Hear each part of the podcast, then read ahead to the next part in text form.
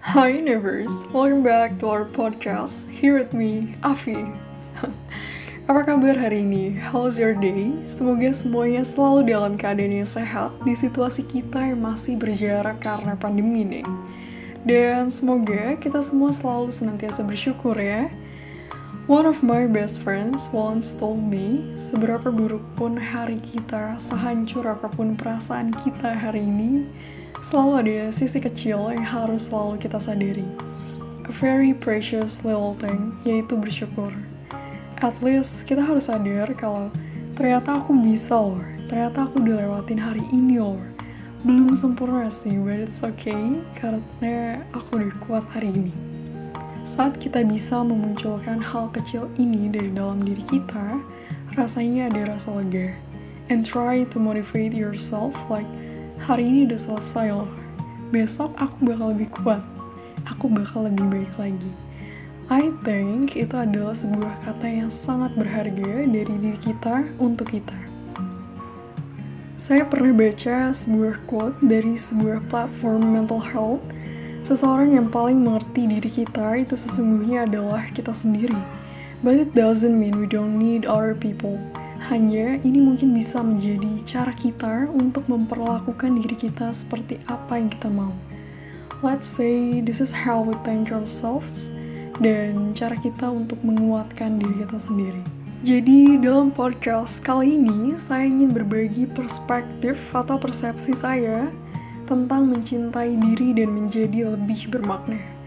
Rasanya sudah tidak asing lagi dan Evers di sini juga mungkin sudah banyak mendengar podcast um, tentang how to love yourself, self love dan semacamnya.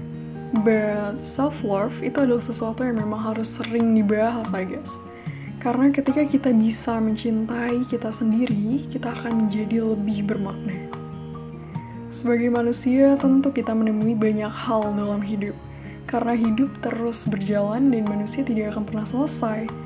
Untuk dipelajari juga mempelajari. Rasanya tak akan bisa terhitung betapa banyaknya hingga diri kita detik ini. Sejak kita dilahirkan hingga usia kita yang sekarang. Dalam hidup ada banyak warna dan rasa seperti luka. Tapi setiap luka tentu melahirkan jiwa-jiwa yang akan bertumbuh lebih kuat. Dari setiap hal yang kita temui pasti memiliki pelajaran dan makna, sekecil apa pun itu. Bahkan, mungkin ada momen di mana kita menyadari untuk lebih mencintai diri kita sendiri ketika kita sedang menghadapi prosesnya. Karena kita berjuang dengan diri kita, kita berjuang untuk menjadi lebih tangguh setiap harinya karena hidup harus terus berjalan. Kita harus terus melangkah. Namun ada kalanya kita harus duduk lebih lama. Melihat diri kita sendiri, memandangi cermin dan menyadari hal-hal kecil yang sering terlupakan. Nampaknya kita sering lupa bahwa kita adalah milik kita. Terkadang kita terlalu luang mendengar dan melakukan apa yang dunia mau.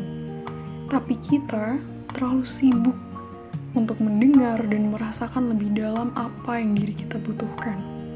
Mencintai diri sendiri misalnya. Tak jarang rasanya kita mengejar banyak validasi dari dunia.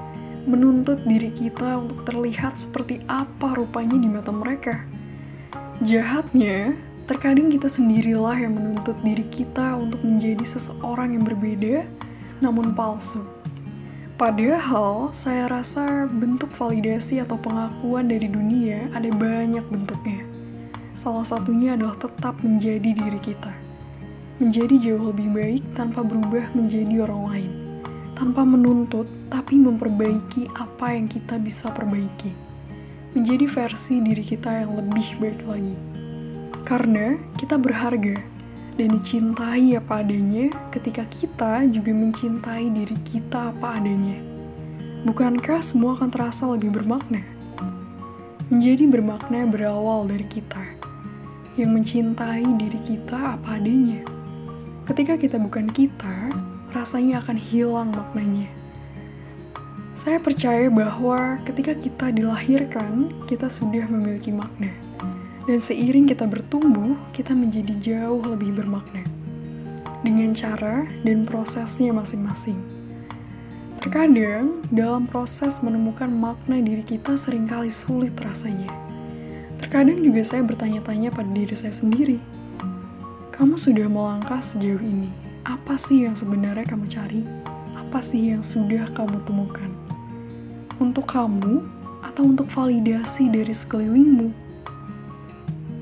Sedikit cerita, ada momen di mana saya mengalami bullying ada beberapa orang yang mengecam bagaimana cara saya berbicara.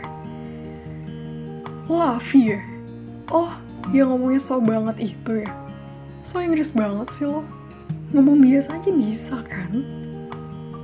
Itu adalah salah satu hal yang sempat membuat saya beberapa waktu merasa enggan untuk berbicara atau berkomunikasi seperti sebelumnya. Mungkin untuk banyak orang hal itu bukan masalah besar namun, tidak semua orang memiliki benteng yang sama, bukan? Di momen itu, saya berusaha untuk mengintrospeksi diri, belajar.